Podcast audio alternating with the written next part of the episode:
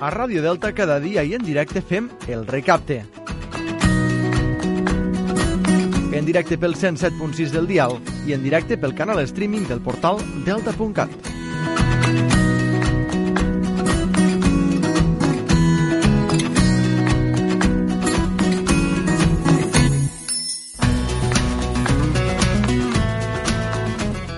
Bon dia, és dimecres 21 d'octubre, el dia després que es filtrés que el major Trapero i tota la cúpula d'interior han estat absolts per l'Audiència Nacional que els jutjava pels delictes de rebel·lió, sedició i desobediència.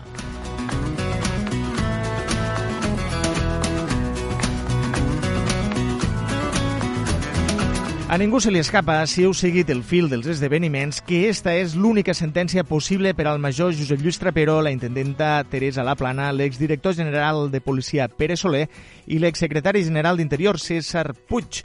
Si teniu una mica de senderi que diem aquí i heu seguit el judici, haureu vist que ha sigut més que obvi que l'acusació ha inventat un relat en un intent de desactivar un govern i uns càrrecs que feien la feina que se'ls havia encomanat de manera escrupulosa.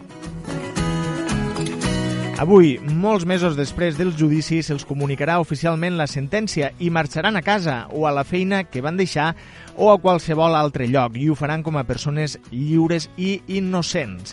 També és evident que aquesta sentència hauria d'afectar-ne a d'altres, com ara la dels presos polítics, sobretot la que afecta directament als dos Jordis.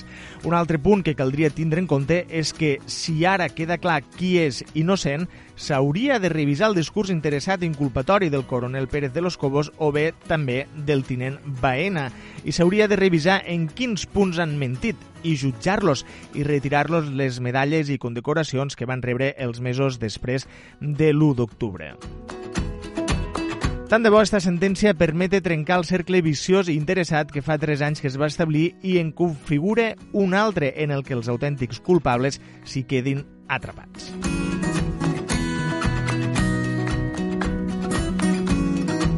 Sens dubte, esta és una de les grans notícies d'ahir, la filtració d'esta sentència. L'altra gran notícia és la celebració del Premi d'Honor de les Lletres Catalanes. Un premi, un honor que ahir se li va entregar al poeta Enric Casases, un poeta de cap a peus, d'ungla del peu a cabell del cap, de paraules sàvies i mesurades i vivacitat contagiosa. Avui els catalans i catalanes, i sobretot els que ens agrada la lectura i la cultura en general, ens podem sentir orgullosos que un poeta torne a rebre este premi. Enhorabona, Enric.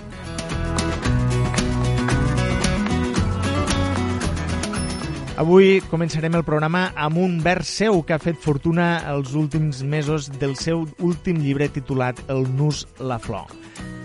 Un vers que diu No haver-te conegut seria terrible, però terrible, terrible. I no ho sabria. A sobre, no ho sabria.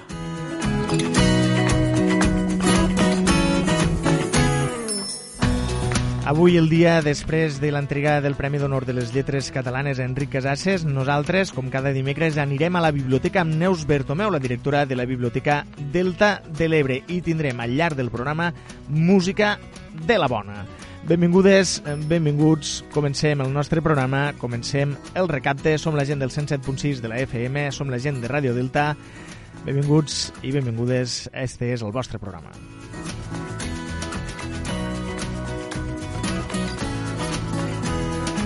El recapte per a la gent de Deltebre amb Eduard Carmona.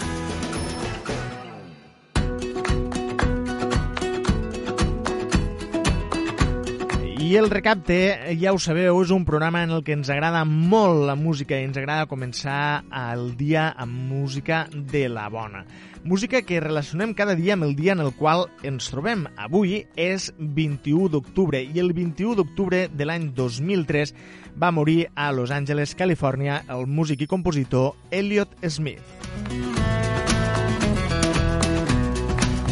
L'instrument principal d'Eliot Smith va ser la guitarra acústica, encara que també tocava el piano, el clarinet, el baix, l'harmònica i la bateria. Smith tenia una veu suau característica i habitualment recorria a l'enregistrament multipista de la seva pròpia veu per crear harmonies vocals. Abans de començar la seva carrera en solitari, va tocar durant diversos anys a la banda de rock Head Miser, amb la que va arribar a treure diversos discos va treure el seu primer àlbum en solitari l'any 94 en publicacions de segells independents. Cavity Search Records i Kill Rock Stars van ser els afortunats en publicar estos primers àlbums. Posteriorment, va signar un contracte al 97 amb, la, amb una discogràfica molt més gran, DreamWorks Records, amb la qual va arribar a traure dos àlbums. Smith va arribar al gran públic quan la seva cançó Miss Misery, inclosa la banda sonora de la pel·lícula L'indomable Will Hunting, va ser candidata als Oscar en la categoria de millor cançó original l'any 1997.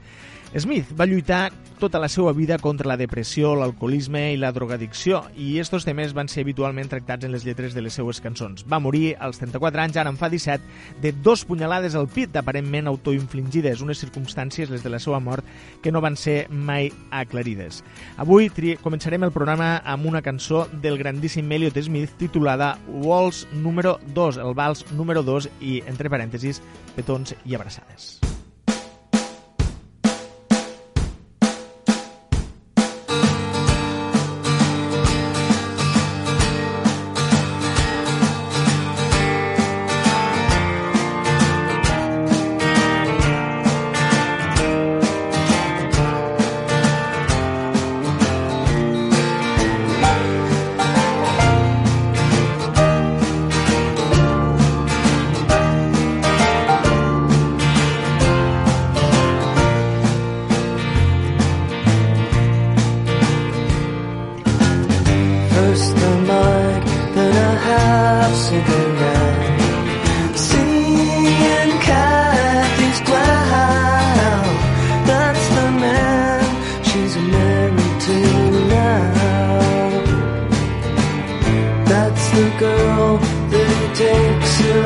sound she appears composed, so she is, I suppose.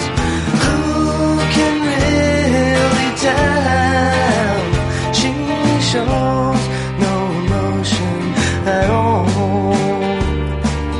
Stares into space like a dead China doll.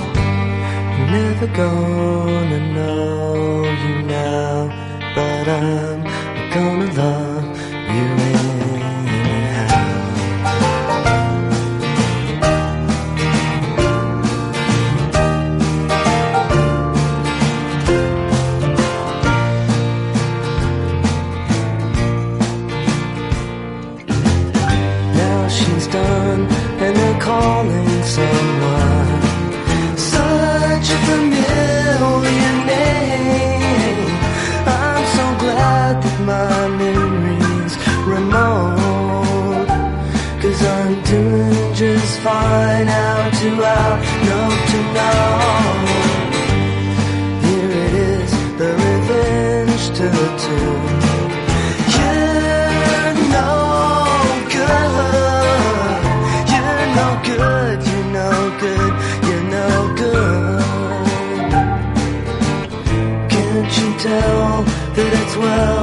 understood. I'm never gonna know you now, but I'm gonna love you.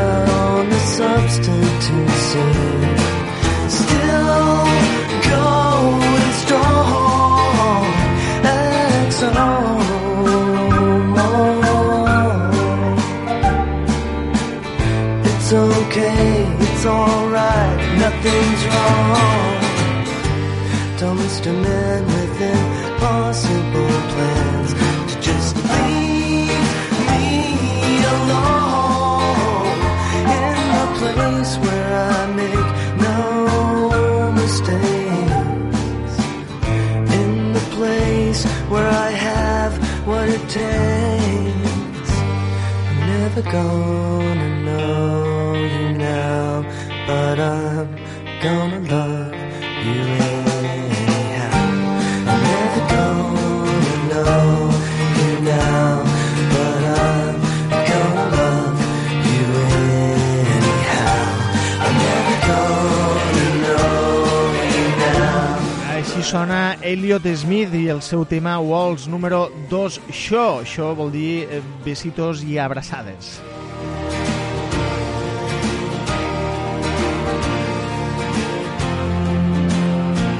I és la cançó que hem triat avui per començar el nostre programa 17 anys després de la mort d'Eliot Smith. I ara és el moment d'escoltar de, una de les nostres càpsules creatives que inviten a la reflexió. Avui a càrrec de Natàlia Zaragoza i la seva secció La mirada. Avui la càpsula de Natàlia es titula Viure en la incertesa.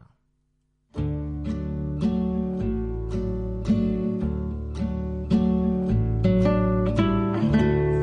incertesa. La incertesa ofena les persones planificadores i enamora les aventureres. No saber què passarà demà, la setmana que ve o d'aquí a sis mesos també crea inseguretats, temors i patiment. Alhora, però, ens ajuda a aprendre, i ara més que mai, a conviure amb l'espera, a no donar res per fet i adaptar-nos a les circumstàncies de cada moment o de cada hora. És el que abans se'n deia viure el dia i ara en diuen viure l'aquí i l'ara. I com se fa això si mos han ensenyat a viure pendent sempre del futur?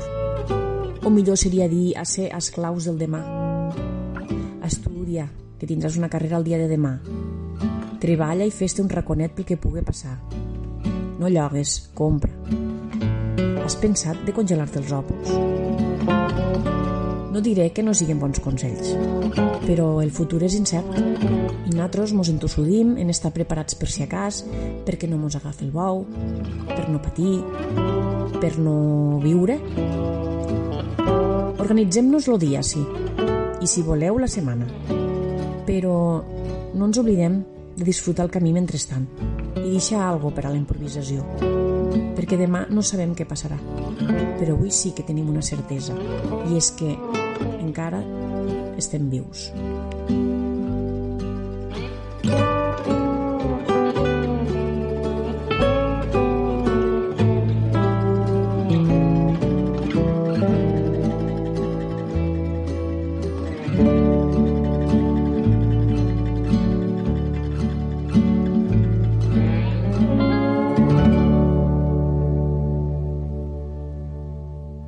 Minutets ens separen del punt de les 10 del matí, també del punt de les 8 de la tarda, si ens esteu escoltant a la primera de les reemissions del nostre programa i de les 12 de la nit, si ho feu a la segona. Arriba el moment des d'aquí, des del recapte, des de Radio Delta, d'homenatjar al nou Premi d'Honor de les Lletres Catalanes, Enric Casases. Ho farem amb algun dels seus poemes musicats pel músic de la Catalunya Nord, Pascal Comelade, i interpretades pel propi Enric. El primer, la primera peça que escoltarem es titula Les cases del meu carrer i es troba en el seu primer disc amb el músic Pascal Comelada titulat La manera més salvatge. Un poema que, en el qual potser alguns de, de vosaltres us sentireu identificats i identificades. les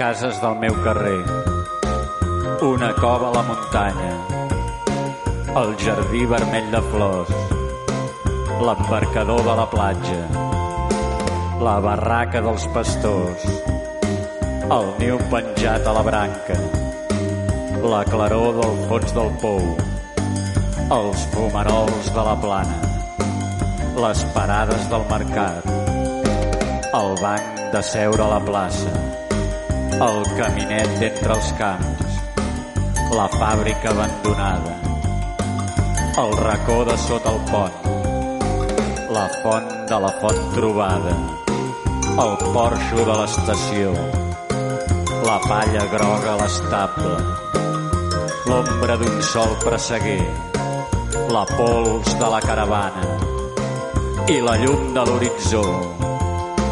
I l'estrella més llunyana, tot és casa meva i tot, m'era i més i em serà casa, com si veiés voleiar la roba estesa de l'àvia.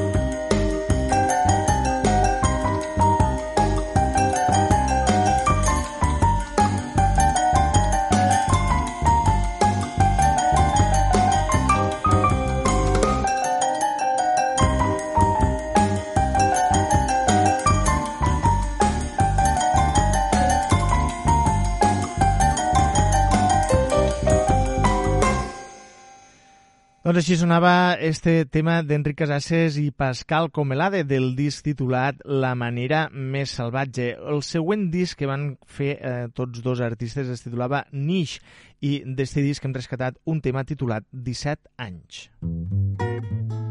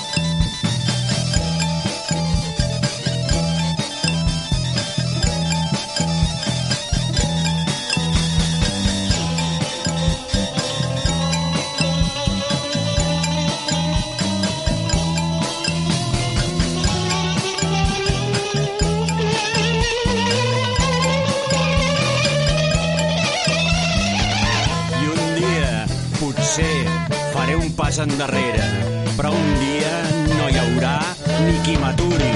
I un dia muntaré una festa.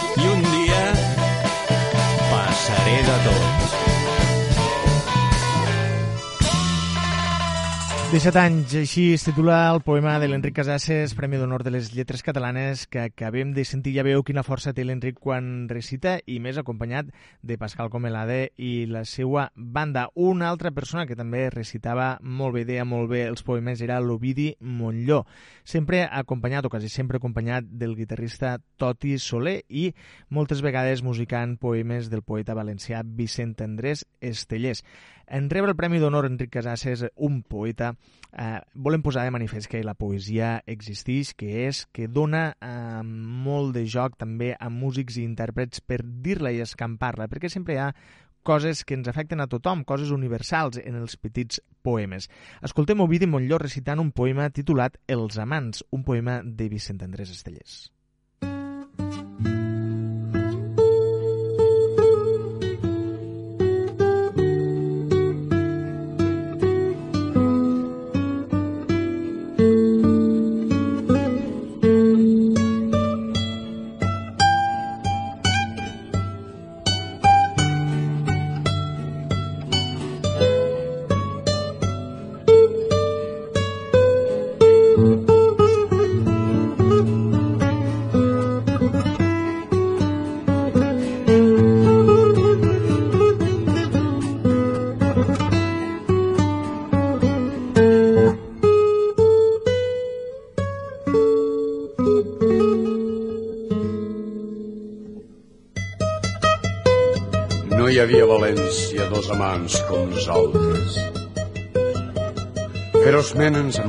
Des del matí a la nit. Tot ho recorde mentre vas estenent la roba. Han passat anys, molts anys. Han passat moltes coses. De sobte encara em pren aquell vent o l'amor i rodolem per terra entre braços i besos. No comprenem l'amor com un costum amable, com un costum pacífic de compliments i teles. Es desperta de sobte com un vell huracà i ens tomba en terra els dos. Ens ajunta, ens empeny. Jo desitjava voltes un amor educat i en marxa el tocadiscos, negligentment besant-te, ara un muscle i després el bessó d'una orella. El nostre amor és un amor brusc i salvatge i tenim l'enyorança amarga de la terra d'anar a revolcons entre braços i arraps. Què voleu que hi faça? Elementals, ja ho sé. Ignorem el Petrarca, ignorem moltes coses. Les estances de Riba i les rimes de Becker. Després, tombats en terra, de qualsevol manera, comprenem que som bàrbars i que això no deu ser, que no estem en l'edat i tot això i allò. Que no estem en l'edat i tot això i allò. No hi havia València dos amants com nosaltres, car d'amants com nosaltres en són parits ben pocs.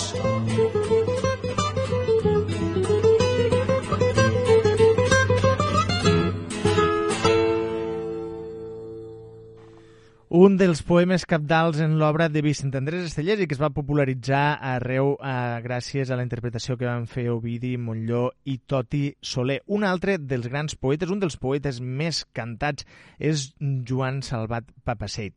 El propi Enric Casasses en va fer una versió d'un poema seu titulat Sense el ressot del drink.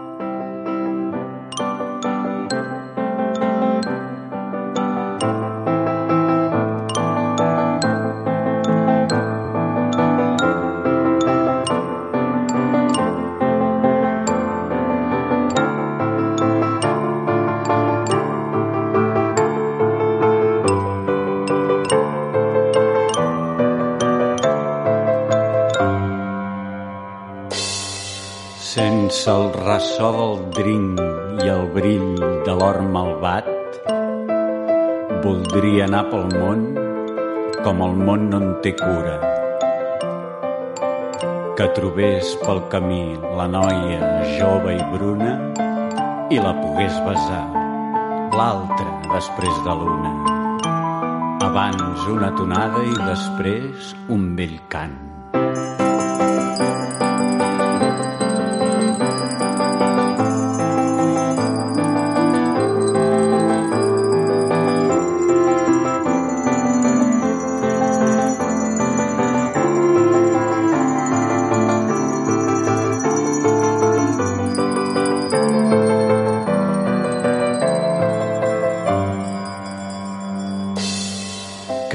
Arribar al lloc on m'abrusés la set, trobés el canti fresc i amb el canti l'abraç de la més joguinera i que en pujar trescant per la nova drecera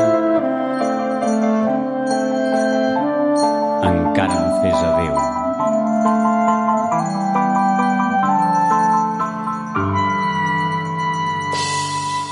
I jo li llançaria un llaçamí per festa, per si no ens veiem més. Que encara que besés a un altre caminant,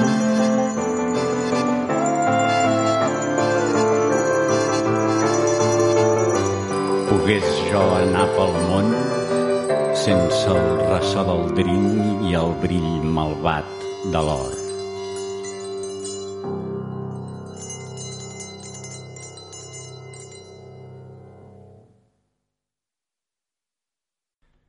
Així sonava, així sona, vaja, en veu d'Enric Casasses, este poema de Joan Salvat Papaseit, un poema eh, titulat Sense el ressò del drink. Eh, Joan Salvat Papaseit, eh, com dèiem, és un dels poetes més musicats, eh, si no és en va eh, que el mm, cantautor Joan Manel Serrat, el músic és també fa molts anys en un disc eh, que va passar una mica de puntetes, però és un d'aquells discos imprescindibles de la discografia de El noi del poble sec.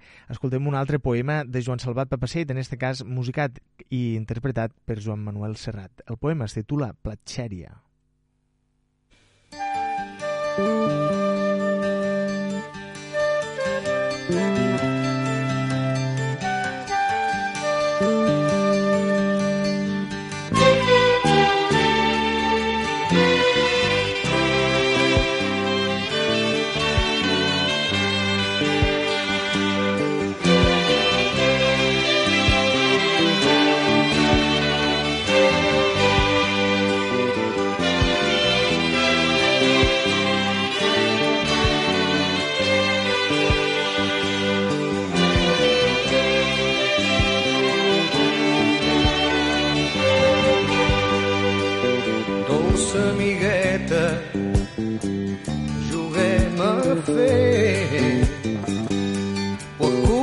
camiseta.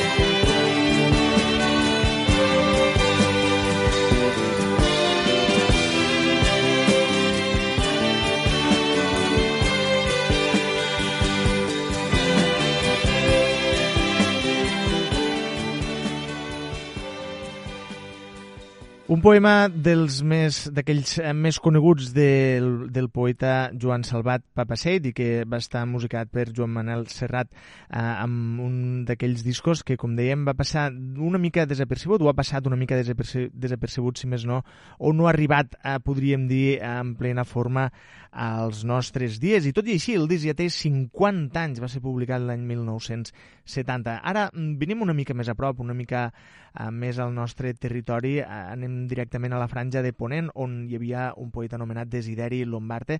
Desideri Lombarte eh, era un poeta d'estos del poble, podríem dir, que va cantar al seu territori de, en molts poemes.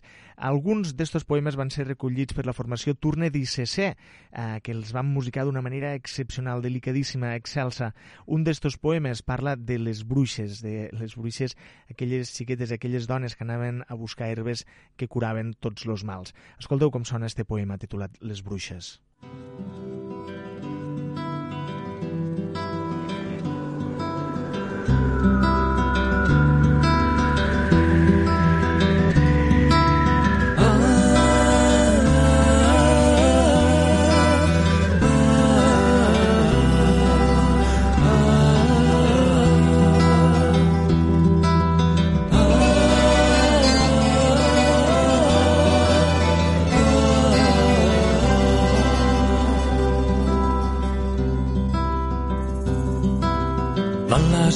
bruixes, van les bruixes, van les bruixes pels barrancs, buscant fulles, collint herbes i gargulls dels espinalls. Poliol i herba bossera, té de roca els roquissalls. Van les bruixes, van les bruixes, van rebuscant pels solans. Van les bruixes, són les bruixes, voreta del riu avall, collint joncs i gavernera, plantat jarotigues i cards, de fuells i corrojoles, se n'omplen l'ot davantal i collant flor de saúc i blet pels patacaràs.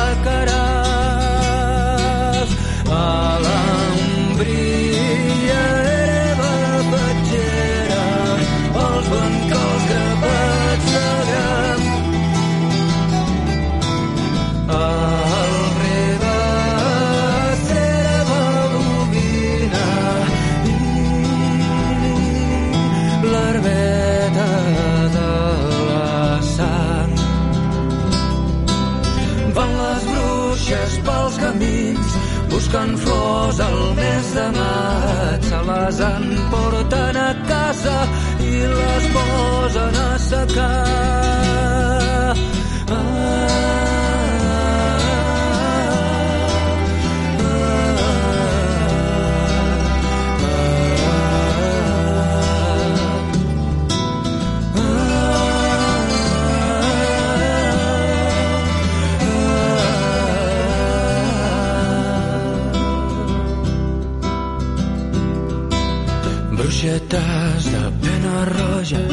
Bruixetes de 18 anys, que cureu la malaltia que ningú més pot curar. Cureu morts del mal de morts amb les flors del mes de maig, que quan arriba l'estiu les herbes s'assecaran. Pel riu no i les fonts s'aixugaran.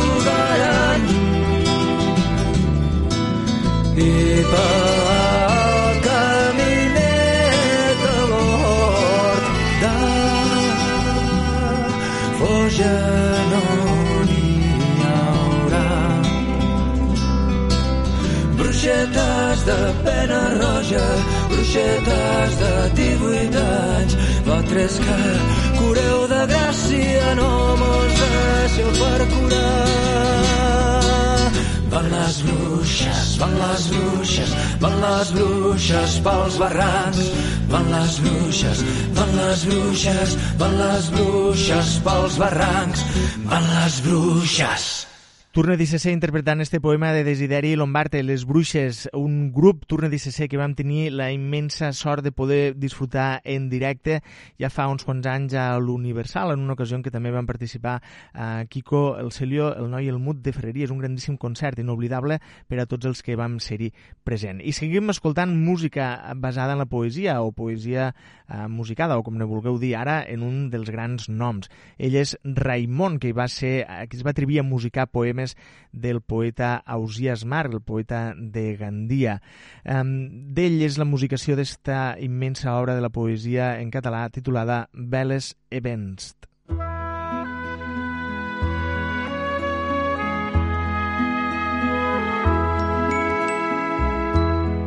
Veles events han mos desig complir. Faen camins dubtosos per la mar. Mestre i ponent contra d'ells veig armar. Xaloc llevant, los deuen subvenir, a llurs amics lo grec e lo millor.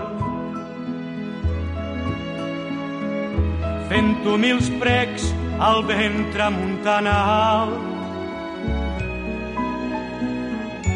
Que en son bufar l'ocia parcial e que tots cinc complesquen mon retorn. Bollirà el mar com la cassola en forn, mudant color l'estat natural e mostrarà voler tot a res mal que sobre si atur un punt al jorn. Grans e pocs peix a records correran e cercaran amagatalls secrets. Fugint al mar on són nodrits e fets per gran remei en terra eixirà.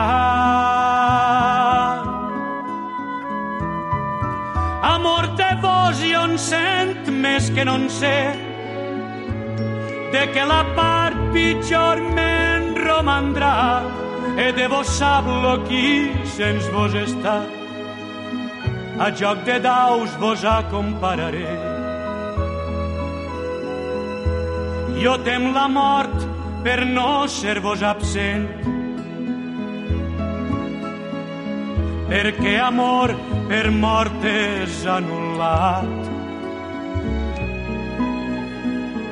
Mas jo no creu que mon voler sobrat. Buscar és ser per tal de partiment. Jo sóc gelós de vostres cas voler, que jo morint no m'he tan minoblit, sols és pensar-me tal del món delit, car nos vivint no creu se busca fer. Ha pres ma mort d'amar per dau poder, e si a tost en ira convertit. E jo forçat d'aquest món seré eixit. Tot lo meu mal serà vos no ver. Amor de vos i on sent més que no en sé, de que la part pitjor me'n romandrà, e de vos sap lo qui sens vos està. A joc de daus vos acompararé, a joc de daus vos acompararé. A Joc de Daus vos compararé, així eh, parlava Ausias Marc, que acabava este fragment d'este immens poema titulat Veles Events, on fa una metàfora de l'amor amb el fet de navegar. I és que al País Valencià sempre hi ha hagut bons poetes i bons intèrprets. Ara escoltarem una cançó de Pau Alabajos, el valencià, eh, que també musica un poema de Vicent Andrés Estellers titulat Sonata d'Isabel, un poema dedicat a la seva dona. He aixecat mentre escrivia el cap i amb ulls cansats de la cal·ligrafia he vist enllà damunt d'una tauleta que hi ha al racó del nostre menjador. Entre papers i llibres que m'estimen com un ocell de ritme popular, com un gresol, una fotografia de fa mil anys o de fa quatre dies. Tu i jo, Isabel, feliços d'un amor. I més enllà les sitges del meu poble. La veig sovint i et recorde moltíssim.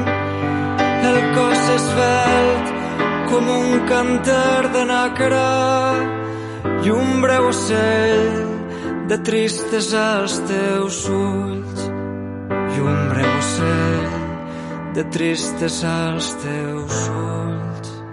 M'ha ajudat molt de nit mentre escrivia entre papers i fortuïtes síl·labes com que a la nit intenta orientar-se amb mans amb ulls jo t'evoque i et mire aquell instant de l'any 48 tu vares fer que cregues altre cop i m'has donat la teua companyia, el teu discret silenci, el teu ajut.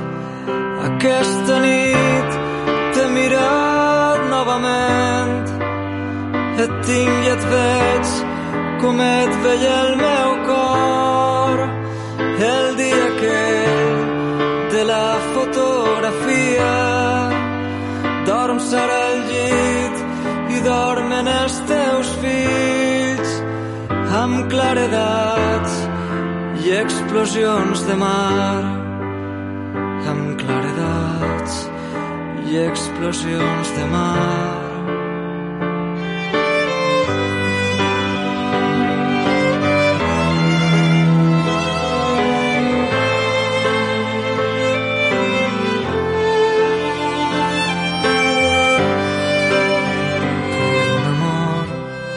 Que sense endur plegats en aquest gran silenci de la casa jo et vull deixar amant amats per sempre un ram convuls de síl·labes de vidre.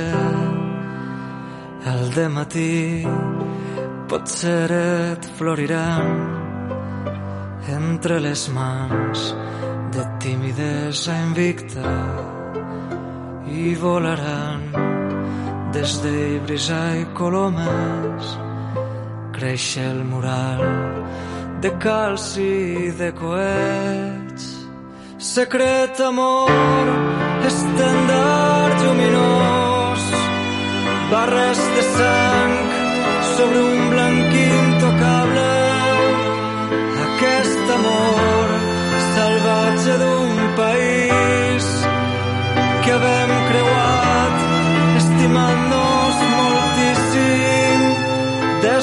d'Alacant a Castelló amb els ulls plens d'una llum una gota de llum.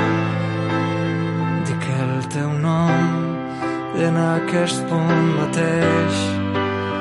Dic Isabel i canten els canyars i pels carrers i versos de València passen a mans que es besen a la boca amb molt d'amor presos per la cintura atarantats d'un olor de jasmins dic el teu nom i amb casta reverència el posaré en un pitxer amb aigua. Dic Isabel i canten els canyars i pels carrers diversos de València passen a mans que es besen a la boca amb molt d'amor presos per la cintura atarantats d'un olor de jasmins dic Isabel i seguis que camí Pau Alabajos versionant un poema de Vicent Andrés Estellers, esta sonata d'Isabel, un poema que podeu trobar al volum número 10 de les obres completes del poeta valencià. Nosaltres seguim escoltant música, música i poesia ara en la veu de Paco Ibáñez amb un poema de Gabriel Celaya titulat La poesia és un arma cargada de futuro.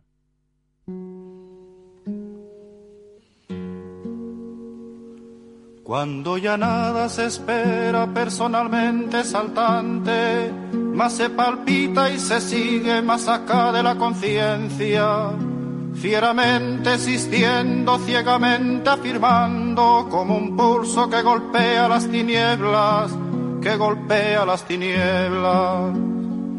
Cuando se miran de frente los vertiginosos ojos claros de la muerte, se dicen las verdades, las bárbaras, terribles, amorosas crueldades, amorosas crueldades.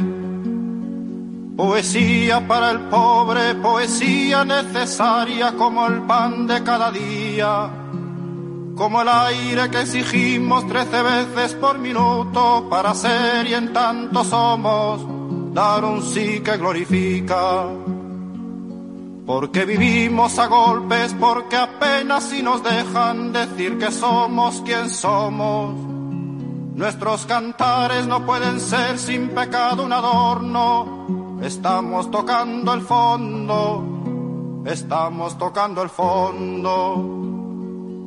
Maldigo la poesía concebida como un lujo cultural por los neutrales que lavándose las manos se desentienden y evaden. Maldigo la poesía de quien no toma partido, partido hasta mancharse. Hago mía las faltas, siento en mía cuánto sufren y canto respirando. Canto y canto y cantando más allá de mis penas, de mis penas personales. Me ensancho, me ensancho. Quiero daros vida, provocar nuevos actos y calculo por eso con técnica que puedo. Me siento un ingeniero del verso y un obrero que trabaja con otros a España, a España en sus aceros. No es una poesía gota a gota pensada, no es un bello producto, no es un fruto perfecto es lo más necesario, lo que no tiene nombre. Son gritos en el cielo y en la tierra son actos. Porque vivimos a golpes, porque apenas si nos dejan decir que somos quien somos. Nuestros cantares no pueden ser sin pecado un adorno. Estamos tocando el fondo estamos tocando el fondo. Paco Ibáñez cantant a Gabriel Celaya avui al recapte. Escoltem ara l'última cançó abans d'anar a escoltar els butlletins informatius. És l'Enric Casasses, Premi d'Honor de les Lletres Catalanes, amb un poema seu titulat Per Sant Marçal. En este poema anirem a escoltar els butlletins i tornem a segona hora amb Anem a la biblioteca amb Neus Bertomeu.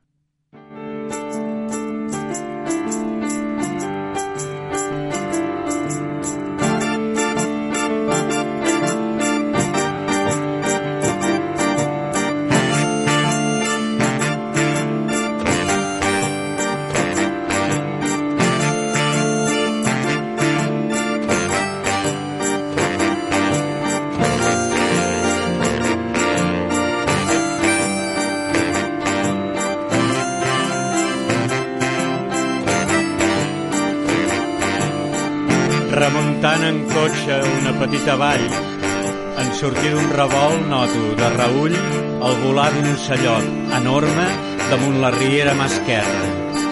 I just aleshores veig, a la dreta, ran de coneta, una dona dreta, amb bales blanques obertes i vestida amb cintes de colors que l'aire fa ballar. I és més vella que la Venus. És una dona. M'espanto. Miro i al retrovisor hi ha una cara fosca horrible de dragó fent-me ganyotes.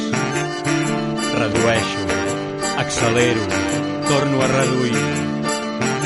Una mica més endavant, de la boca d'una ermita mitja amagada en surten fora un feix de flames que arriba a mitja carretera. Passo. D'entre les fulles dels pollancres de l'altra banda em miren mil ullets.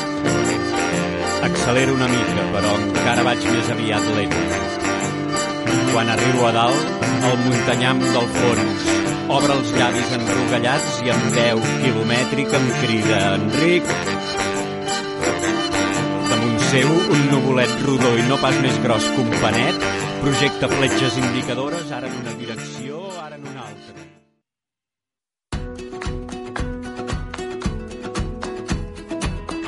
A Ràdio Delta cada dia i en directe fem el recapte. En directe pel 107.6 del dial i en directe pel canal streaming del portal delta.cat.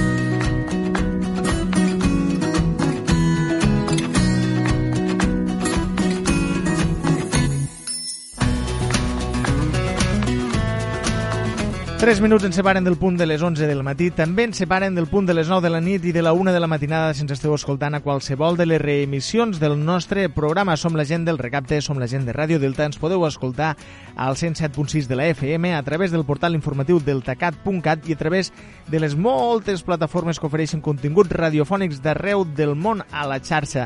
Allí ens trobareu, sigueu on sigueu, i ens trobareu també escoltant-nos dient que us estem molt agraïts per fer-nos confiança. Avui, com cada dimecres, arriba el moment d'entrar a la biblioteca de la mà de la directora de la Biblioteca Delta de l'Ebre, Neus Bertomeu.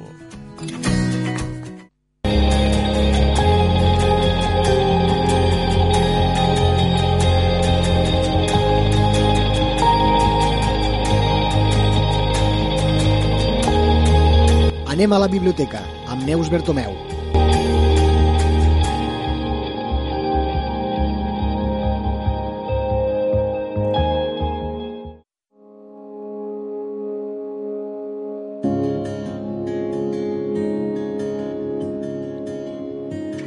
Doncs com diem, com cada dimecres arriba el moment d'entrar a la biblioteca de la mà de la directora de la Biblioteca de l'Ebre, Neus Bertomeu, qui ja saludem. Neus, bon dia i benvinguda.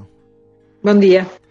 Avui, avui parlarem de llibres, com cada dimecres, i com cada dimecres també intentaré endivinar de quin tipus de llibres parlarem. Um, estic veient llibres infantils? Sí. sí. Visca.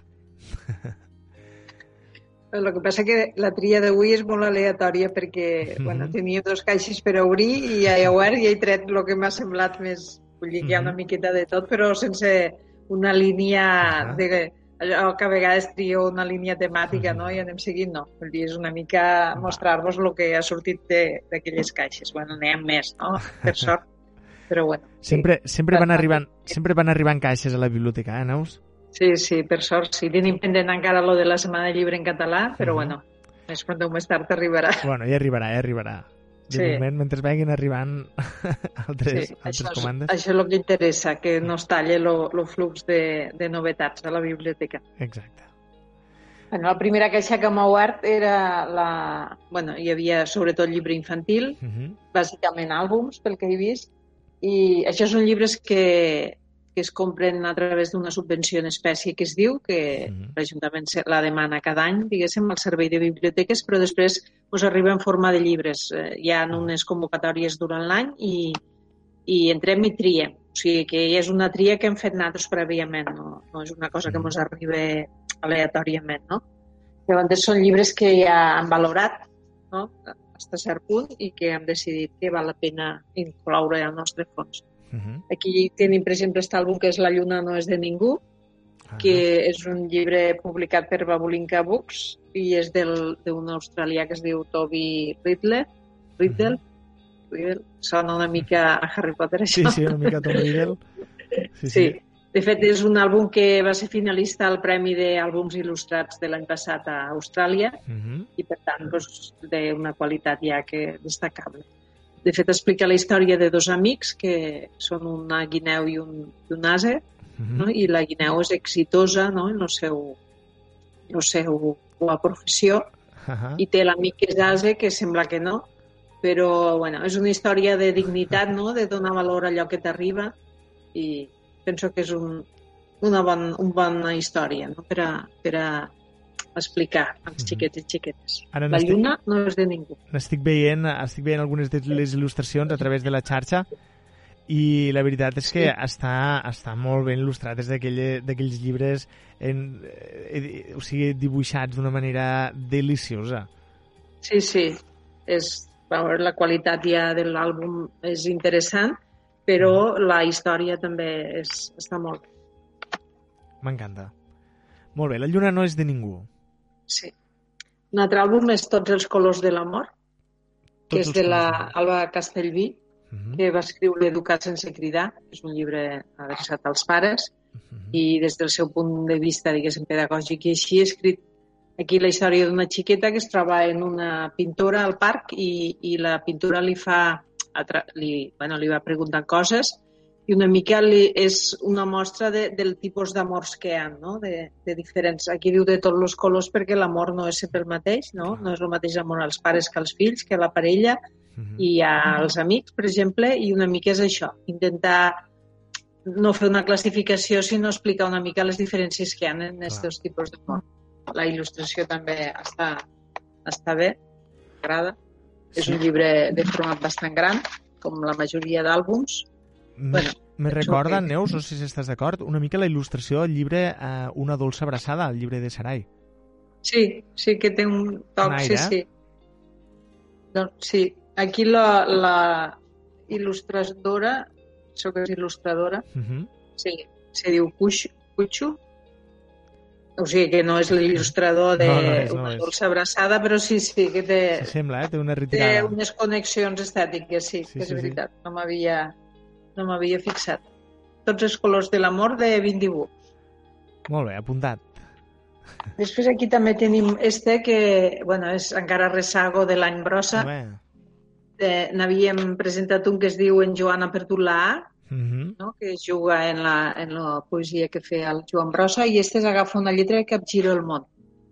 Eh, Brossa va dir una vegada que no sabia si era un mag que feia poesia o un poeta que feia màgia, no? Sí. perquè ell, la poesia no era només un, una manera d'escriure, sinó que jugava en les lletres, jugava en la forma de les lletres, no? en la distribució de les lletres, bueno, ja sabem, no? la poesia de Brossa, Sí, sí. que és molt visual, a més de, de ser poesia no? en si. I, i bueno, és un llibre que també m'agrada també l'estètica, pocs uns colors mínims, diguéssim, però ja parlem sempre de l'educació estètica dels xiquets i xiquetes, no? que no Mhm. podem no poden veure només dibuixos Disney, sinó que Exacte. han de veure una varietat d'estils i, i de dissenys per a també fer-los créixer com a, com a lectors de- d'imatge i de bueno, i d'iconografia i així. Exacte, es veu molt xulo, que aquest llibre. eh? Sí, sí, molt xulo. És de l'editorial Vegeta, Vegeta. que són estes Vegeta, sí. Mhm. Editorials molt minudes, vull dir que pràcticament coneixen poc, no? Però, vull dir, o, o que es coneixen poc perquè no publiquen un gran fons, Mhm. en quantitat, no vull dir en qualitat, jo penso que més aviat publiquen un fons de molta qualitat la majoria d'aquestes editorials, però mm, potser no, no surten tant no, els mitjans perquè tenen un, una publicació, o sigui, un volum d'edició minut. Sí, i, Aquí també- i no obstant, Neus, no sé si estàs d'acord, penso que algun dia ho havíem parlat, són les editorials que realment publiquen eh, coses més interessants, perquè les grans Sí, sí. editorials van només a allò que dona diners, i en canvi aquestes petites són Claro. capaces de treure aquestes petites joies, no? Sí, de fet les grans pues, són, juguen més en els escriptors mediàtics, Sí. no? en les coses més com a més eh, atractives a nivell de televisió i així, saps? Una Mhm. mica el més comercial. Sí, I sí, en sí. canvi, aquestes editorials fan un gran esforç per a publicar coses molt, molt interessants. Aquí tenim aquesta editorial, que és la Edicions del Caré, que és de... Sembla que és de Mèxic, Ah, o, o de Caracas, no, de... Sembla que és de Venezuela. És una editorial gran, eh, publica des, des de Fullí, té una llarga història i, i cuida molt els llibres infantils que publica. De fet, té seu aquí a Catalunya i publica Mhm. alguns dels àlbums, els publica en català també, però no és fàcil aconseguir el seu fons, saps? A vegades, i Mhm. s'acaba molt sovint, perquè és una línia editorial de molta qualitat. Aquí, per exemple, tenim este de la bandera d'Amàlia, de Nono Granero i Cristova, mhm. i està bé, no? Bueno, la protagonista és l'Amàlia, que és la millor costurera del poble, i com tothom sap que és la millor costurera, li encarreguen que faci la bandera de la població. Clar. Llavors, eh, mentre ella va, va confeccionant aquesta bandera, eh, va parlant en, en la gent del poble, no? En molta gent del poble i li van explicant coses i ella és com si anés incorporant no? totes aquestes converses, totes aquestes històries personals a la bandera. Ah. Quan arriba el dia de, de presentar la, la bandera esta, que li havia estat encarregada per la, per la alcaldessa, diguéssim, a l'Amàlia, Mhm. Quan l'alcaldessa arriba allà a veure la bandera, doncs se queda tota indignada. Això no és el que havíem parlat. Estava a punt de cridar la policia per a que detinguessin a l'Amàlia i despengessin aquella bandera. I llavors va ser quan la gent del poble, la que és realment forma el poble, perquè lo, lo poble sense, sense ciutadans no, no és poble, no? Clar. I llavors diu, ah, mira, allò d'allà és el meu trosset d'història, no? I, Ostres, i cada, que xulo. cada, o sigui, tots, tots els ciutadans se senten protagonistes i, s'identifiquen en aquella bandera perquè realment els identifiquen ells, no? Perquè realment són trossets d'ells mateixos. Penso que també és una bona història, no? I Per a, per a educar i per a, per a que els adults mos, mos poséssim, o sigui, fiquéssim les coses en perspectiva, no? que a vegades no Sí, som sí, sí, capaços sí. de veure la realitat com és. Estic veient, veus, a la web de, de l'editorial que publiquen moltes coses en català, que pràcticament Sí, sí. cada, cada tres o quatre llibres en castellà en tenen un en català, més o menys. Sí, Que no està mal, això- eh? Sí, sí, sí. sí. sí. Este és en, en català, per exemple, però no tenen tot el fons, però tenen bastanta cosa en català. Mhm. Sempre coses molt interessants. La bandera d'Amàlia, en este cas. Molt bé, apuntat també. Sí. Després aquí tenim una edició de Salvatella. Salvatella és una editorial que publica molt de cara a les escoles i així, no? llibres aquells de la A, de la O, de coses Sí. d'aquest tipus, i moltes altres coses, vull dir, té un fons bastant ampli.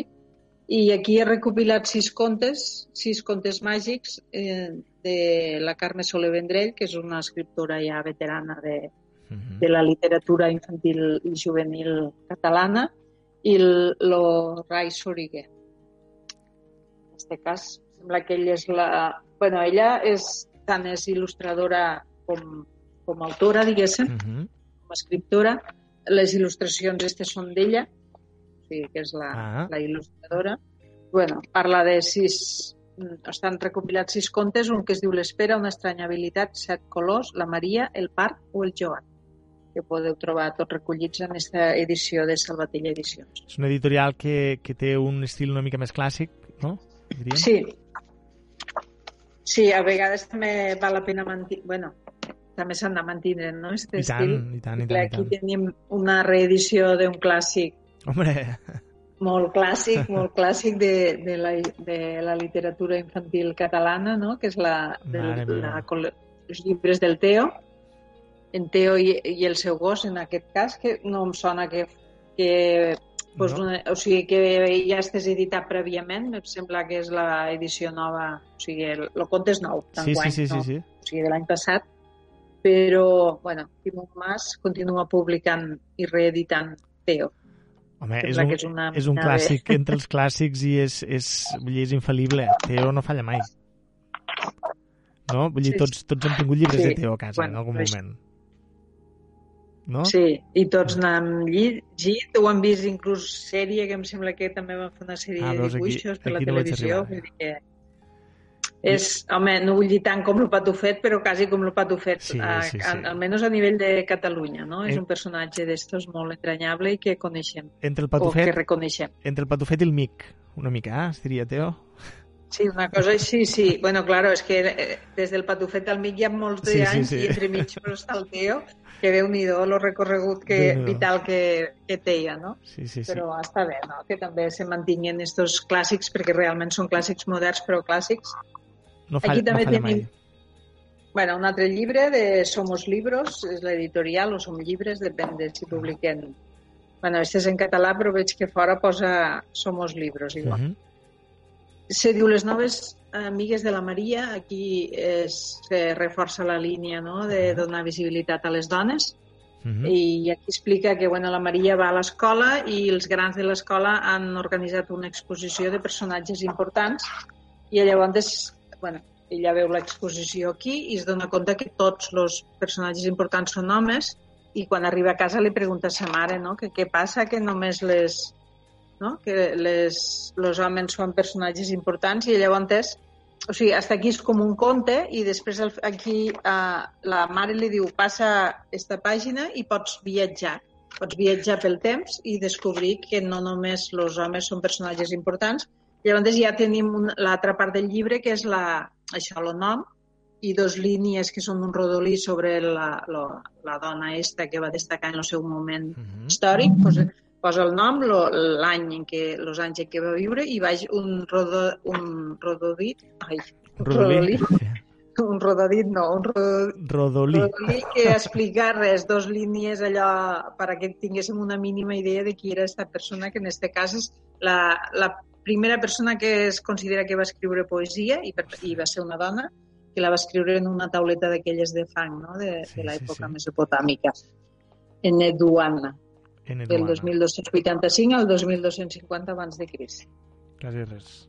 Bueno, després continua per Egipte, bueno, no m'allargo, però és així. O sigui, el llibre està, està dividit en això, en la part introductòria, que és com una petita narració, i després lo, la, també tanca, diguéssim, en una narració, no? Quan la xiqueta ja ha descobert que hi ha dones que també són importants, i llavors penja ella les il·lustracions, este, la, la imatge de, de cada una d'aquestes dones a la seva habitació per a tindre clar que d'importants igual n'han hi hagut d'homes que de dones. Per, per curiositat, fins quin any arriba de, de, de l'època actual? Diguéssim, arriba fins, fins Sí. als anys 2000? Eh, vist a la Simone de Beauvoir Uh -huh.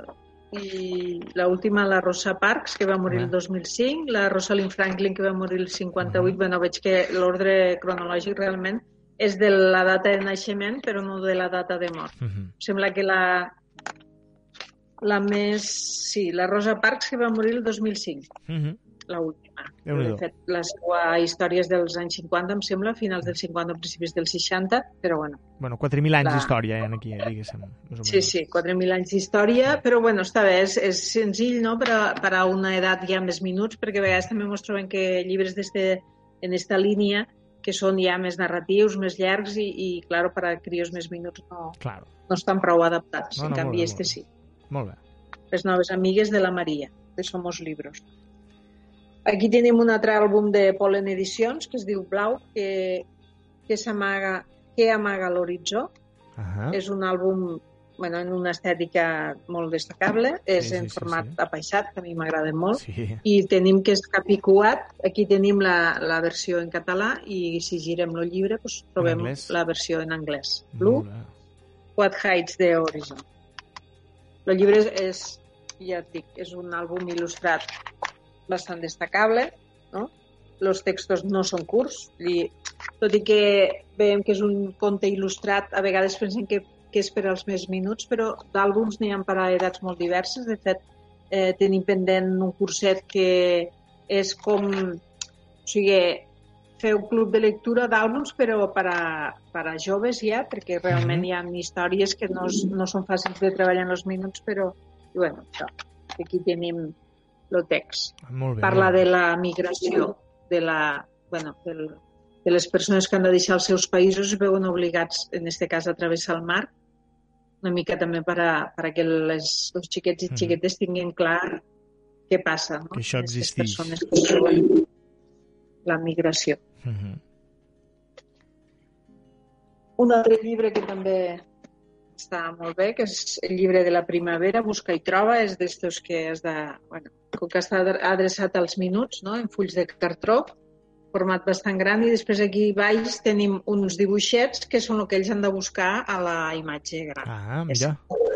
Posa el dibuixet i posa el nom del que és- de l'objecte, per exemple, en aquest cas la rentadora o les escales o l'aspiradora, però com, com que està el dibuix, els xiquets i xiquetes que encara no sapien llegir igual poden fer la recerca, perquè saben que el dibuix que està aquí és el que han de trobar ells Mhm. a la imatge gran. Ah, això està I, molt bé, molt ben pensat.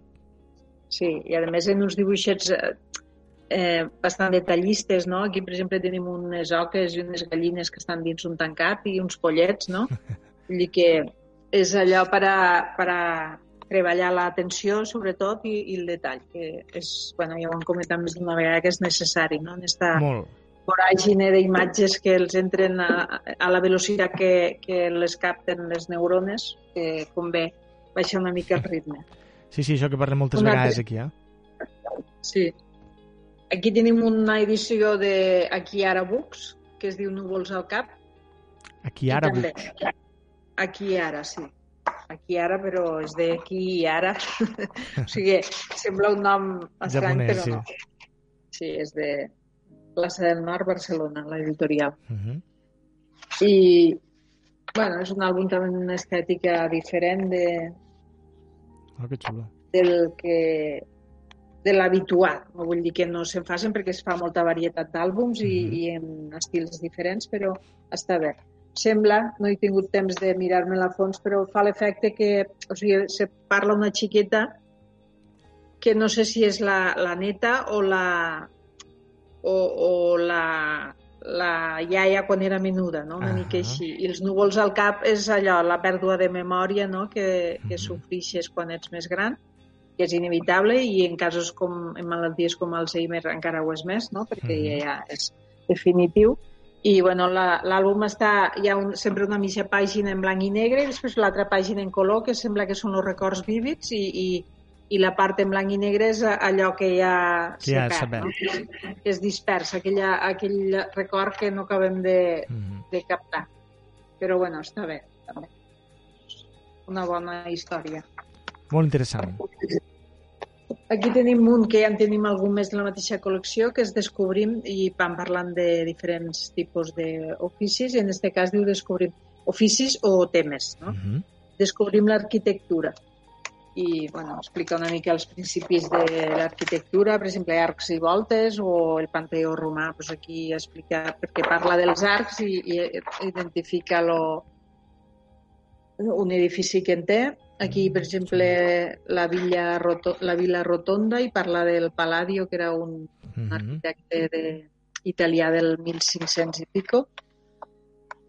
Bueno, l'arquitectura popular, que és la construcció tradicional de arreu del món, que és, bueno, és molt interessant perquè està adaptada al, al medi al medi de cada, i a Mhm. l'ecosistema de cada lloc. Per exemple, aquí la construcció tradicional, que era la barraca, absolutament adaptada en materials. No Claro. calia, no anaven a buscar pedra en lloc, anaven, o sigui, Clar. utilitzaven els xops, utilitzaven les canyes, el senil, Uh -huh. la canya vana i construïen la, el fang i construïen les cases no? en aquell material que tenien a l'abast i així a tot arreu.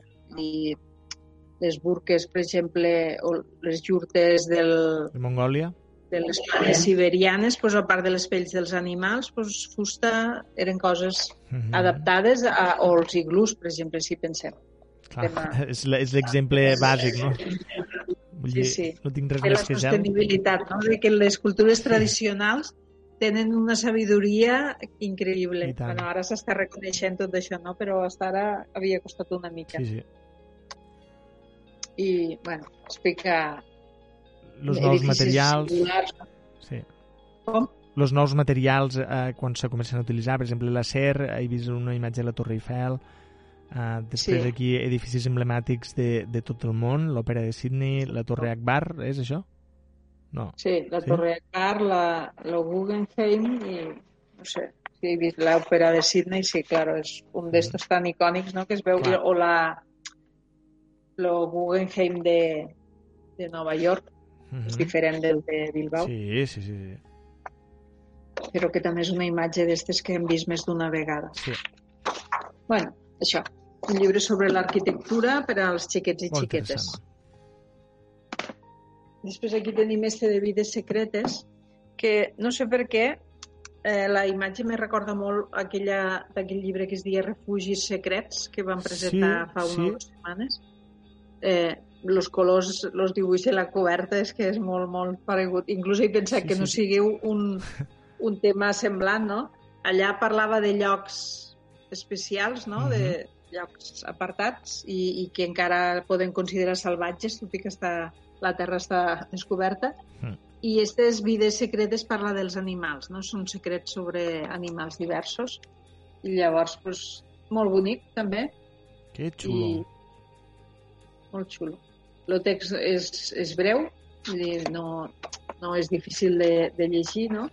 Mhm. I, bueno, això. Els Clar. xiquets i xiquetes que els agraden les coses, les, la informació sobre la natura, ho gaudiran. Aquí, per exemple, tenim una medusa preciosa, com totes, Sí, o sí. l'aurora boreal, o després he vist una, la constel·lació, bueno, ara no, bueno, no ho trobo ara, però això, una constel·lació. Vides secretes, un àlbum il·lustrat sobre informació de la natura, però Mhm. no només animals, pel que he vist, d'edicions Baobab. Neus, quan adquiriu àlbums així, quants exemplars n'adquiriu a la biblioteca? Sempre és un de Un. cada.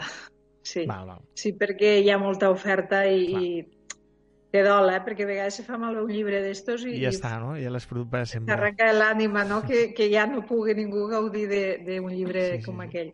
Però bueno, fem el que podem, no? En lo No, que no, i tant, i tant. El que sí que sempre dupliquem és el que és col·lecció local. Els llibres que són d'autors d'aquí, siguin àlbums o el que sigui, sempre ho tenim com a mínim per duplicat. Mhm.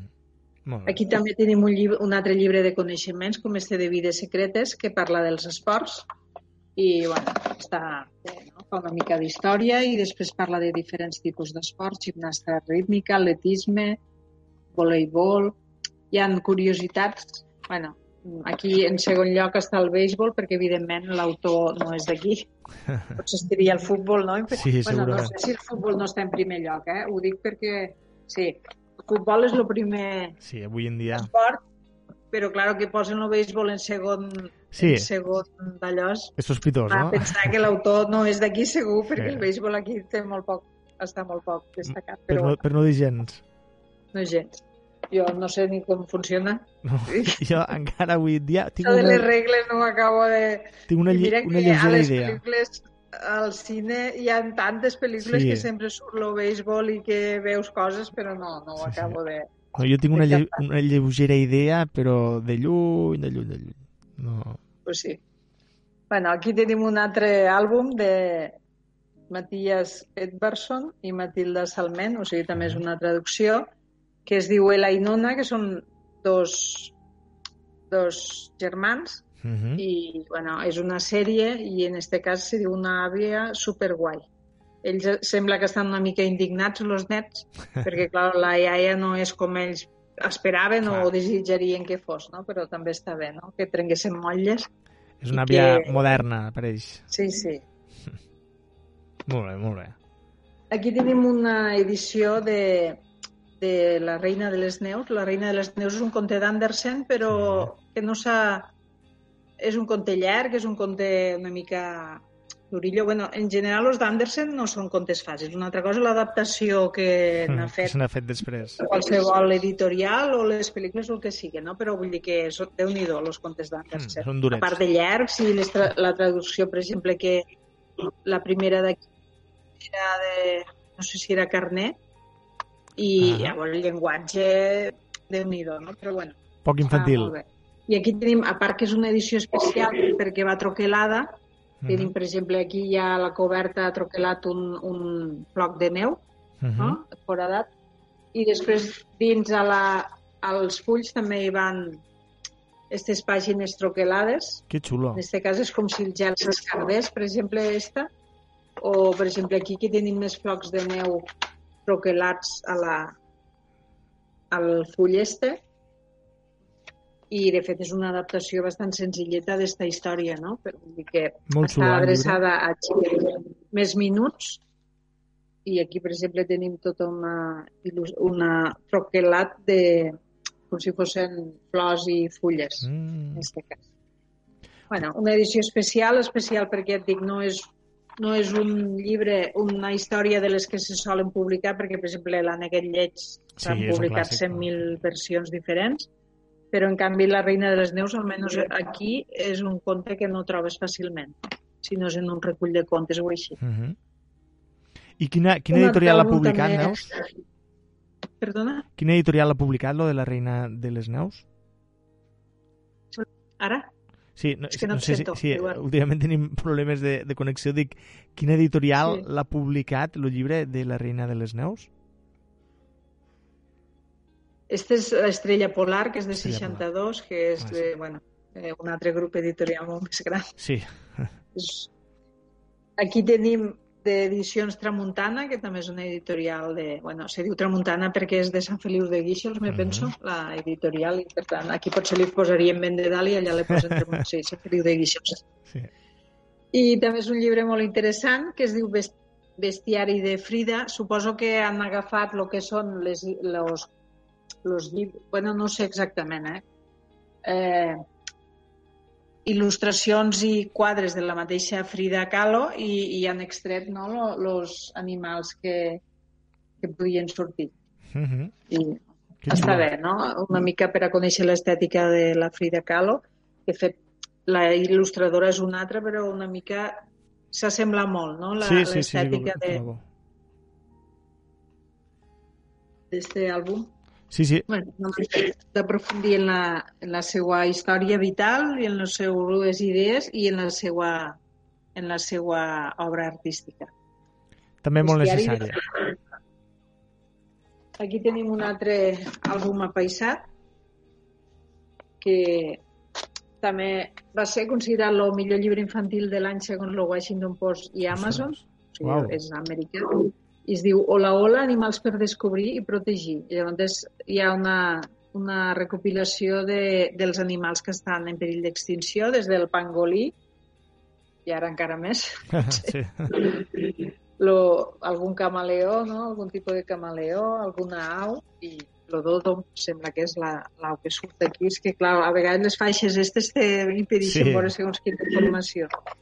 Estic bueno, veient, parla estic veient algunes de les il·lustracions també a través de, de la web i, i sí, és interessant este també, eh, per saber què és el que estem perdent pel camí. Sí, és molt, molt bonic i bueno, parlen de diferents animals. Però parlen de llengües, de closques, de cues, de Mhm. becs, no? Una mica. I està bé, que és una classificació diferent del que estem acostumats. No? Quan mirem un llibre d'animals, doncs és o mamífers, o peixos, o, o papallones, i en canvi este va, doncs això, segons quina característica té l'animal, és la, és la, està classificat, diguéssim, en un grup o en un altre. Molt xulo. Aquí tenim un, un altre molt vistós de Rita Teckentrup, l'autora, eh, Cuques per tot arreu. Eh, los bichos són uns dels animals que, que produeixen més rebuig, no? Sí, sí, sí. Però, de fet, és los, la espècie o la família, no sé exactament com hauria de dir-ho, el grup animal més, més numerós de tot el món. De- d'insectes és el que hi ha més. Mhm. I encara que volguéssim nosaltres dominar, però els insectes són el que abunda més a tot el món. I llavors, bueno, la, la que és, és de Andana Editorial, el llibre és, és, sembla com a tela des de fora, eh, si el toques notes no? la, la, La textura. la superfície de les diferents escarabats que surten aquí i a part té unes lletres daurades aquí dalt, vull dir, és molt bonic, no? molt vistós estèticament Mhm. i després dins doncs, mos trobem una, algunes fulles en, en vertical, d'altres en horitzontal i explica per ecosistemes. Parla, fa una introducció així general de les cuques al principi i després pues, a la selva o, al, o a l'aigua o, o el que sigui. Està bé, bé. Molt bonic. Molt bé, molt bé. Tenim aquí un altre de busca i troba, als laberints, en este cas. que són, bueno, tenim escenaris diver, diferents, com per exemple un creuer o, o una, un poblat Indígena, no?, de, de la selva. indígena, sí, no sabria dir de, de quin lloc, perquè mesclen, mesclen coses molt diferents aquí. Però... Sí, que és el que té de, de xulo també estos llibres, eh? que mesclen els conceptes sense mirar, Sí. sense mirar res. Bueno, és que, claro, no cal que siguin estrictes històricament, Clar. no? Vull dir, ells aquí és un llibre joc, aquí, per exemple, tenim una piràmide i, per exemple, tenim aquí al fons unes, unes muntanyes molt verdes que dubto que a Egipte ne tinguin cap d'estes. Home, ara sí no, que però, que- però potser l'època... Sí, sí, claro. Bueno, aquí sembla que és un aeroport, però bueno, això és el de menys, perquè aquí del que es tracta és de que els xiquets i xiquetes puguen trobar aquests objectes que trobem a dalt a la dreta o a l'esquerra Uh -huh. a dins de la, de la il·lustració de la doble pàgina. Potser és un aeroport per a, per a ovnis, entens? Sí, igual sí, vés a saber. se veia molt poc, se veia una mica la torre de control i ja està. Ah, bueno. Després, bueno, continua perquè veig que es va, va passant el temps i aquí tenim que alguna vegada han comentat que aquests llibres que publiquen sobre dones, no?, per a donar-les a conèixer, a vegades ens trobem que sempre són les mateixes protagonistes, no?, la Marie Curie o la Frida Kahlo Sí. i, o, o la Mercè Rodoreda en el cas de- d'aquí, no?, i tot això. I està bé no, que poguéssim anar introduint o que les editorials vagin produint no, fons que Mhm. tingui que veure en altres, en altres En altres dones. dones, sí. I aquí tenim la, un volum dedicat només a l'Ada Lovelace, que desxifra el codi, que em sembla que cada segon dimarts d'octubre se Mhm. celebra l'any el dia d'Ada Lovelace, Lovelace a, a tot el món, que és la que es considera la, la, la primera informàtica, no? No era ben bé Mhm. informàtica en el seu moment, però és la que es considera la primera dona informàtica. Ella que és la ha- primera programadora en la història dels ordinadors, diu. Sí, sí, doncs això. I este ja té un volum dedicat a l'Ada Lovelace, que em sembla que en tenim un altre a la biblioteca, però que hasta ara doncs, tampoc no trobaves molta informació. Mm -hmm. Molt interessant. Després ja passem als llibres als llibres per adults, no? de matèries diferents, perquè et dic, la tria ha sigut, no ha sigut una tria, sinó que ha sigut una extracció de la caixa aleatòria, per Una, tant... un unboxing. No. Sí, sí. Aquí, bueno, és un, un títol, un llibre que diu Som l'última generació que pot salvar el planeta. És un, un títol d'estos que et fa posar les pèls de, gall... Sí. los pèls de, de gallina perquè realment posa el dit a la llaga. Ja sabem que queden poques oportunitats per a millorar l'ecosistema Sí, sí, sí. mundial. I ahí lo dejo, que diuen, no? que, Som l'última Si generació voleu que pot salvar el planeta. Mare meva. sí. De qui l'ha escrit, aquest El llibre? és- Bueno, hi ha moltes, moltes, molts participants, diguéssim.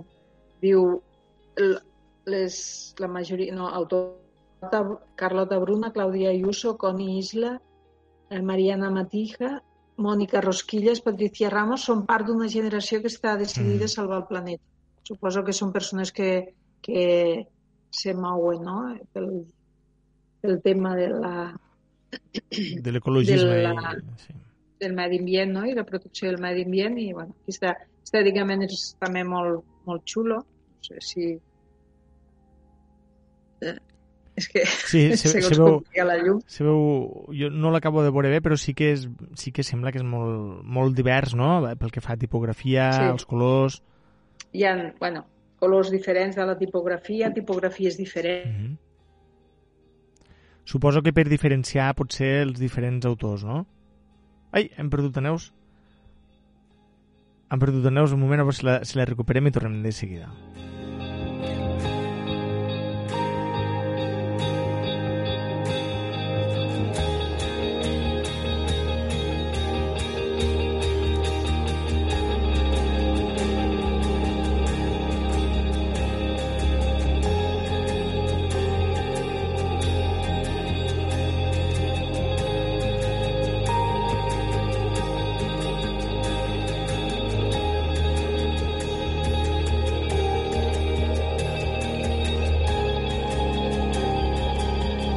Sembla que hem pogut recuperar de nou a Neus Bertomeu. Neus, ara sí, eh, t'havien deixat en això, el llibre este de Som l'última generació que pot salvar el planeta. No sé si... Sí. Ara sí, sí que t'hem recuperat de bo. A veure? Sí. Bueno, pues perquè el següent llibre que comento és este de Palestina, Palestina. una història essencial, perquè també és un tema d'estos recurrent, Sí. perquè, bueno, com que no se soluciona mai la, tema, la qüestió palestina, Mhm. de fet s'agreuja de dia en dia, i, bueno, també hauríem de, de saber més coses no, sobre Sí. aquesta qüestió. Palestina, una història essencial de Jorge Ramos i publicat per Sembra Llibres, que per cert és una editorial però és una cooperativa. Ah, Sembra llibres, eh? Sí, Sembra Llibres. Sembra llibres. Vaig a buscar informació perquè a mi totes aquestes petites editorials m'agrada molt conèixer-les. Sí, sí. Ah, publiquen moltes molts llibres amb, amb rerefons polític, eh? Sí. Seguim. Bueno, aquí tenim un altre llibre de, de bueno, com lo de Ada Lovelace, de la mateixa Estrella Polar i la mateixa línia editorial, eh, que és Madame Walker, que crea una empresa. Eh, és la primera dona de la seva família que no neix esclava a Louisiana Ah, i va fundar una, una empresa que no és poca cosa, fa el 1800 i pico, no? fa 150 anys, ah, sortint de l'esclavitud, de l'època de l'esclavitud, i ella va ser capaç de, de fundar la, Una empresa. empresa Sí, sí, la sí. primera empresa feta per una dona de, de raça negra. El llibre es titula. Nenes rebels? Sí. Nenes rebels. De fet, hi ha uns llibres que es contes de Nenes Rebels 1 i 2 que també tenim a la biblioteca que recullen aquestes diferents històries. Aquestes dos em sembla que estan incloses les dos, però això és un llibre ja més extens que parla més a fons d'aquestes dones. diguéssim. I fa l'efecte que han començat per les menys conegudes, també, que també ja està bé. Està bé, està bé. Després aquí tenim una... Bueno, he triat, he fet una tria de d'uns quants llibres perquè m'ha fet gràcia que són reedicions de clàssics de clàssics Mhm. sigui perquè a vegades els fan llegir a les escoles no? com a bibliografia, com la, els llibres que han de llegir els estudiants als instituts, Sí. sigui perquè consideren que val la pena re, reimprimir. I és, per exemple, aquí Grans Esperances del Charles Dickens. Dickens. Aquesta és una adaptació, per tant, me fa, me fa pensar que és un llibre adreçat a, a estudiants de l'ESO. Mhm. Després aquí tenim una edició de Romeu i Julieta, Hombre, un gran bestseller. també de Tirant lo Blanc, que és, Ah. bueno, és una part del Tirant lo Blanc, també és una adaptació, o del Sí. llibre de les bèsties de Ramon Llull. No, el que no entenc jo és esta, esta dèria per fer adaptacions, quan els llibres eh, de per si la gràcia és llegir-lo sencer, no? Sí. I, a més, Tirant lo Blanc, dubto, és una adaptació molt adaptada perquè és un Sí, llibre és extens molt- i sí, és és un molt- llibre molt... Una altra cosa és que volguessis un resum de l'obra, que això ho pots trobar a, a la Wikipedia si convé, no? Exacte, és que Per la, fer-te una idea allò de, de la història. clar, però... la gràcia de Tirant, per exemple, està en, los detalls. Si, si Sí. vas clar, si vas a, a fer un resum se perd molta cosa, llavors és quan els xiquets i les xiquetes diuen ah, pues, pues a mi no m'ha agradat i dius, clar, t'has Sí, llegit clar. 30 pàgines d'un llibre que en té 600 I tant. I aquí el que encara entenc menys, per exemple, que adapten l'auca del senyor Esteve, que és una obra de Sí. teatre que relativament, són relativament breus, i en canvi aquí, bueno, ara ho veig, claro, l'auca del senyor Esteve és una obra de teatre i aquí Mhm. està adaptat com a narració. ah És un altre, un altre tipus d'adaptació. Però bueno, això podríem parlar molt extensament, no? Aquest tipus d'adaptacions jo penso que no són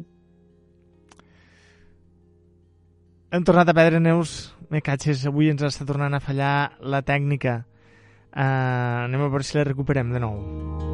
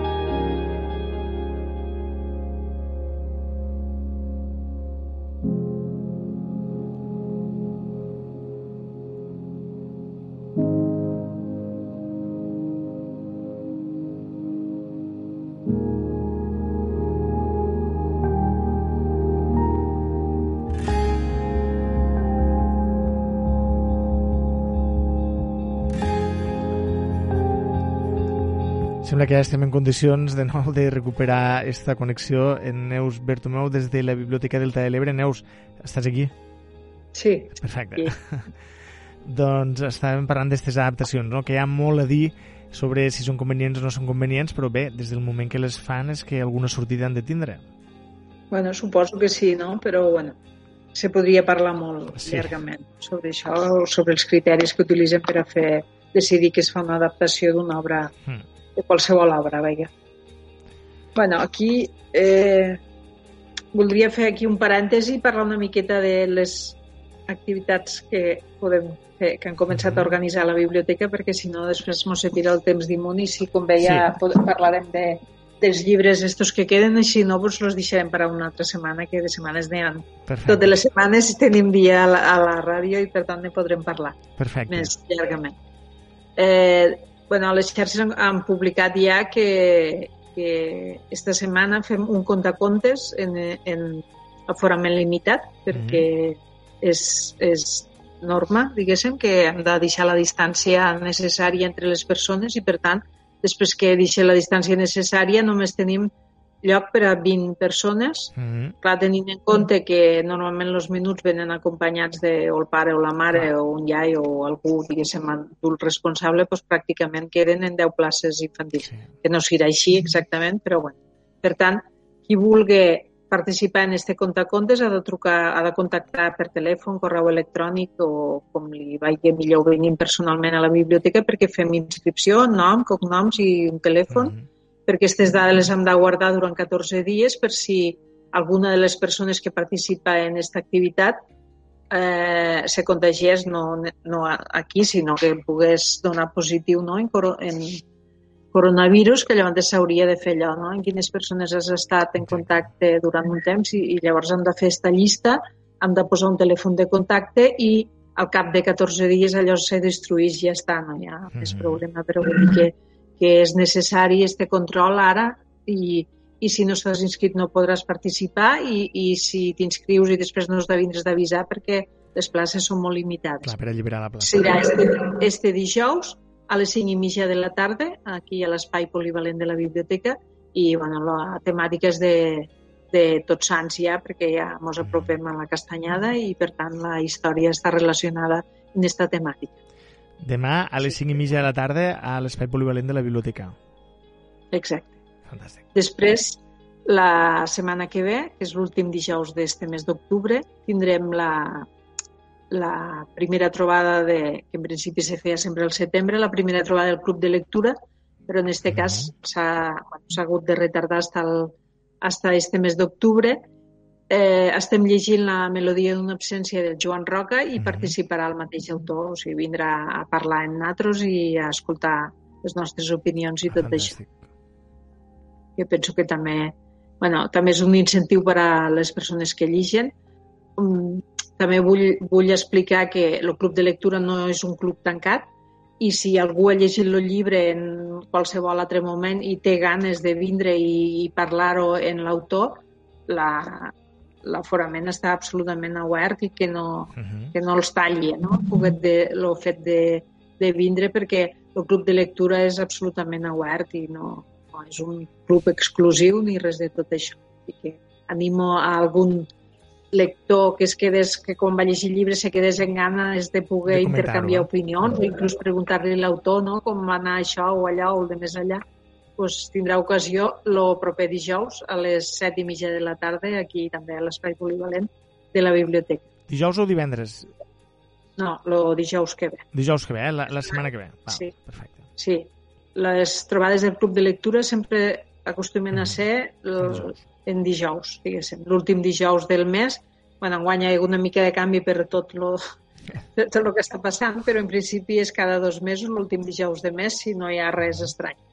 Perfecte. I bueno, estic contenta de poder explicar no, que ja fem algunes activitats, de que s'ha notat l'augment, de, sobretot de préstec a la biblioteca, Mhm. perquè com que l'espai també tenim l'aforament limitat per la qüestió de distàncies i així, no tenim tanta afluència a sala, però s'ha notat que com que la gent ara pot accedir al fons, doncs, té més ganes de vindre, no? fer préstec. Vas dir que s'havia pràcticament triplicat. Sí, no, no, més, eh, la Més, primera no? setmana va més del 400% d'augment. Ostres, déu nhi És, és molt. No? Esta setmana passada no ho he mirat, però vull dir que mm s'ha notat molt, molt això i estem contents no? que Molt bé, i tant. tornar una mica a la normalitat en aquest sentit, no? perquè tant. I que, tots tenim ganes no? de que les coses vagin com han d'anar normalment. i que ja duri, està. i que duri, que sembla que la cosa s'està posant altra vegada... Que ja sí, pots dir que... és que bueno, era inevitable en les concentracions de persones que implica el curs escolar i tot això, és que era, Sí, sí. era normal que passés això. A part de que hi ha algun, si- alguna persona que no prengui les mesures que s'han de prendre, no? Sempre hi ha gent que pensa que, o que no és veritat, com els negacionistes, Mm. no? O que ah, això no n'hi ha per a tant o el que sigui. Però, bueno. La culpa és del 5G i, i la manipulació... I... Sí, sí, també això del 5G, no ho he Internet. llegit, però he vist els titulars i m'ha sorprès molt, no? Oi, oi, oi. De virus i 5G trobo que són coses com a molt, molt Sí. apartades, no? Però, Pareix, pareix que sí. però bueno. Igual se mos escapa Suposo alguna que, cosa a que nosaltres. tenen els seus arguments, eh? I, i igual sí que això baixa les defenses de la ciutadania, Home, no vull no dir el 5G, no? No que sé. afecta a cert punt. En tot cas, de moment pareix ciència-ficció, un argument d'alguna novel·la. No descartéssim, que hi ha moltes novel·les que s'han acabat, que s'han acabat passant. Eh? Sí, sí, sí. De fet, molts de descobriments científics que ara trobem normals, doncs fa 200 Sí, anys sí, que se'n pensava que era màgia o bruixeria o, una, o la cosa més anada de bola del món, no? Sí, I en sí. canvi, doncs, pues no. Vull Així que- és. Neus, alguna cosa més que per afegir? No, en principi era això. Lo, te- Ahir van entregar el Premi d'Honor de les Lletres Catalanes al poeta Enric Casasses. Um, no, sé si, no sé si a la biblioteca es pot trobar alguna cosa de, de l'Enric. Segurament, no t'ho puc confirmar, però segurament perquè vaja, tenim de tothom, pràcticament. I em sembla que este és aquell senyor que és bueno, bastant hippie, no? En, o no? Sí, sí, sí, que, va, que feia, fa els recitals en el barret, en un barret de Sí, este em sembla que lo, el dia que vam anar a la Setmana del Llibre en català a les biblioteques a fer les compres, estava allà, que va Sí, fer, sí, sí. Bueno, una, va recitar una mica allà i Sí. bueno, ja havien destacat una mica, no? Que, que, bueno, jo passa que em vaig creuar en ell en un moment, no? en, en algú Mhm. de l'organització i en ell, i estava una mica emprenyat perquè trobava que hi havia massa gent, perquè, o sigui, per les distàncies, Clar. Després perquè feia molt de sol allà on però així, me va, no sé, me va cridar l'atenció, no? perquè jo tampoc lo tenia, tenia la imatge però no l'havia tractat mai, Sí, sí, va sí, fer, sí, sí, sí. va fer gràcia, una persona ja que té aquelles dèries, no? aquelles manies, perquè Bé, perquè sap el que vol, probablement, no? I, sí, sí, segurament, i que tenia molt clar el que volia i, Mm. bueno, s'havia molestat una mica. Però bé, Bé, doncs una lectura recomanada també, si m'ho permets, uh, llegir l'Enric. Casasses, que és un d'aquells autors imprescindibles per entendre què passa a la poesia catalana d'avui en dia, uh, i no perquè ell existeix que només avui en dia, sinó perquè porta molts anys existint i fent, I i fent poesia des de la trinxera, no? Uh, jo crec que un premi molt mereixut i aquí, aquí ho deixo i que tothom, que quan lo llegeix, que ja Sí. farà el seu, el seu propi judici.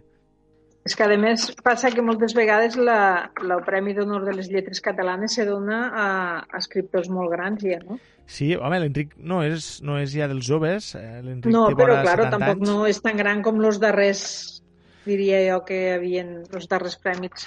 Sí, no, no, no, sé, no sé qui és lo de, un dels darrers, potser és lo Margarit, que és més gran que l'Enric, però l'Enric és del 51 i ara l'any que farà 70 anys, ja. Vull dir, no és tampoc tan, tan jove. No, el que passa que, clar, té aquesta imatge més... Hmm. I em sembla que ha sigut ha fet molt de traductor. Sa germana, sa germana ha traduït, ha traduït més que ell, ell, ell ha recuperat clàssics com Verdaguer, per exemple, eh, ha parlat dels seus últims llibres de Gaudí i d'altres figures que han passat una mica de puntetes, no? bueno, o han sigut importants en un moment i ara, i ara no ho són tant, no? També eh, un dels re- reivindicadors de Ramon Llull, etc etc etc. Té moltes, moltes, eh, molts fils penjant, molts fils que pengen de l'Enric Casasses. És una figura imprescindible, en realitat. Sí, sí. Ara estava mirant el que hi ha a la biblioteca Mhm. el que tinc. De... I, I veig que sí, que hi ha traduccions d'ell. Sí? Tenim, per exemple, Cals, de... Cal, sí, un llibre del Premi Carles Riba. Després tenim un que és un CD, o sigui que està recitat, em sembla Sí. que pel mateix autor, que és un doble CD, que és Canaris fosforescents. Ah, sí, sí, sí, sí d'un llibre titulat així. la, la cosa aquella, La cosa aquella. d'equivocar-se així, Els grans, els primers llibres de l'Enric Carasses. Neus, mos queden 5 segons, ho deixem aquí. Moltes gràcies per tot. Raspall, només això. Moltes gràcies per tot. Neus. Ho deixem aquí fins la setmana que ve. D'acord.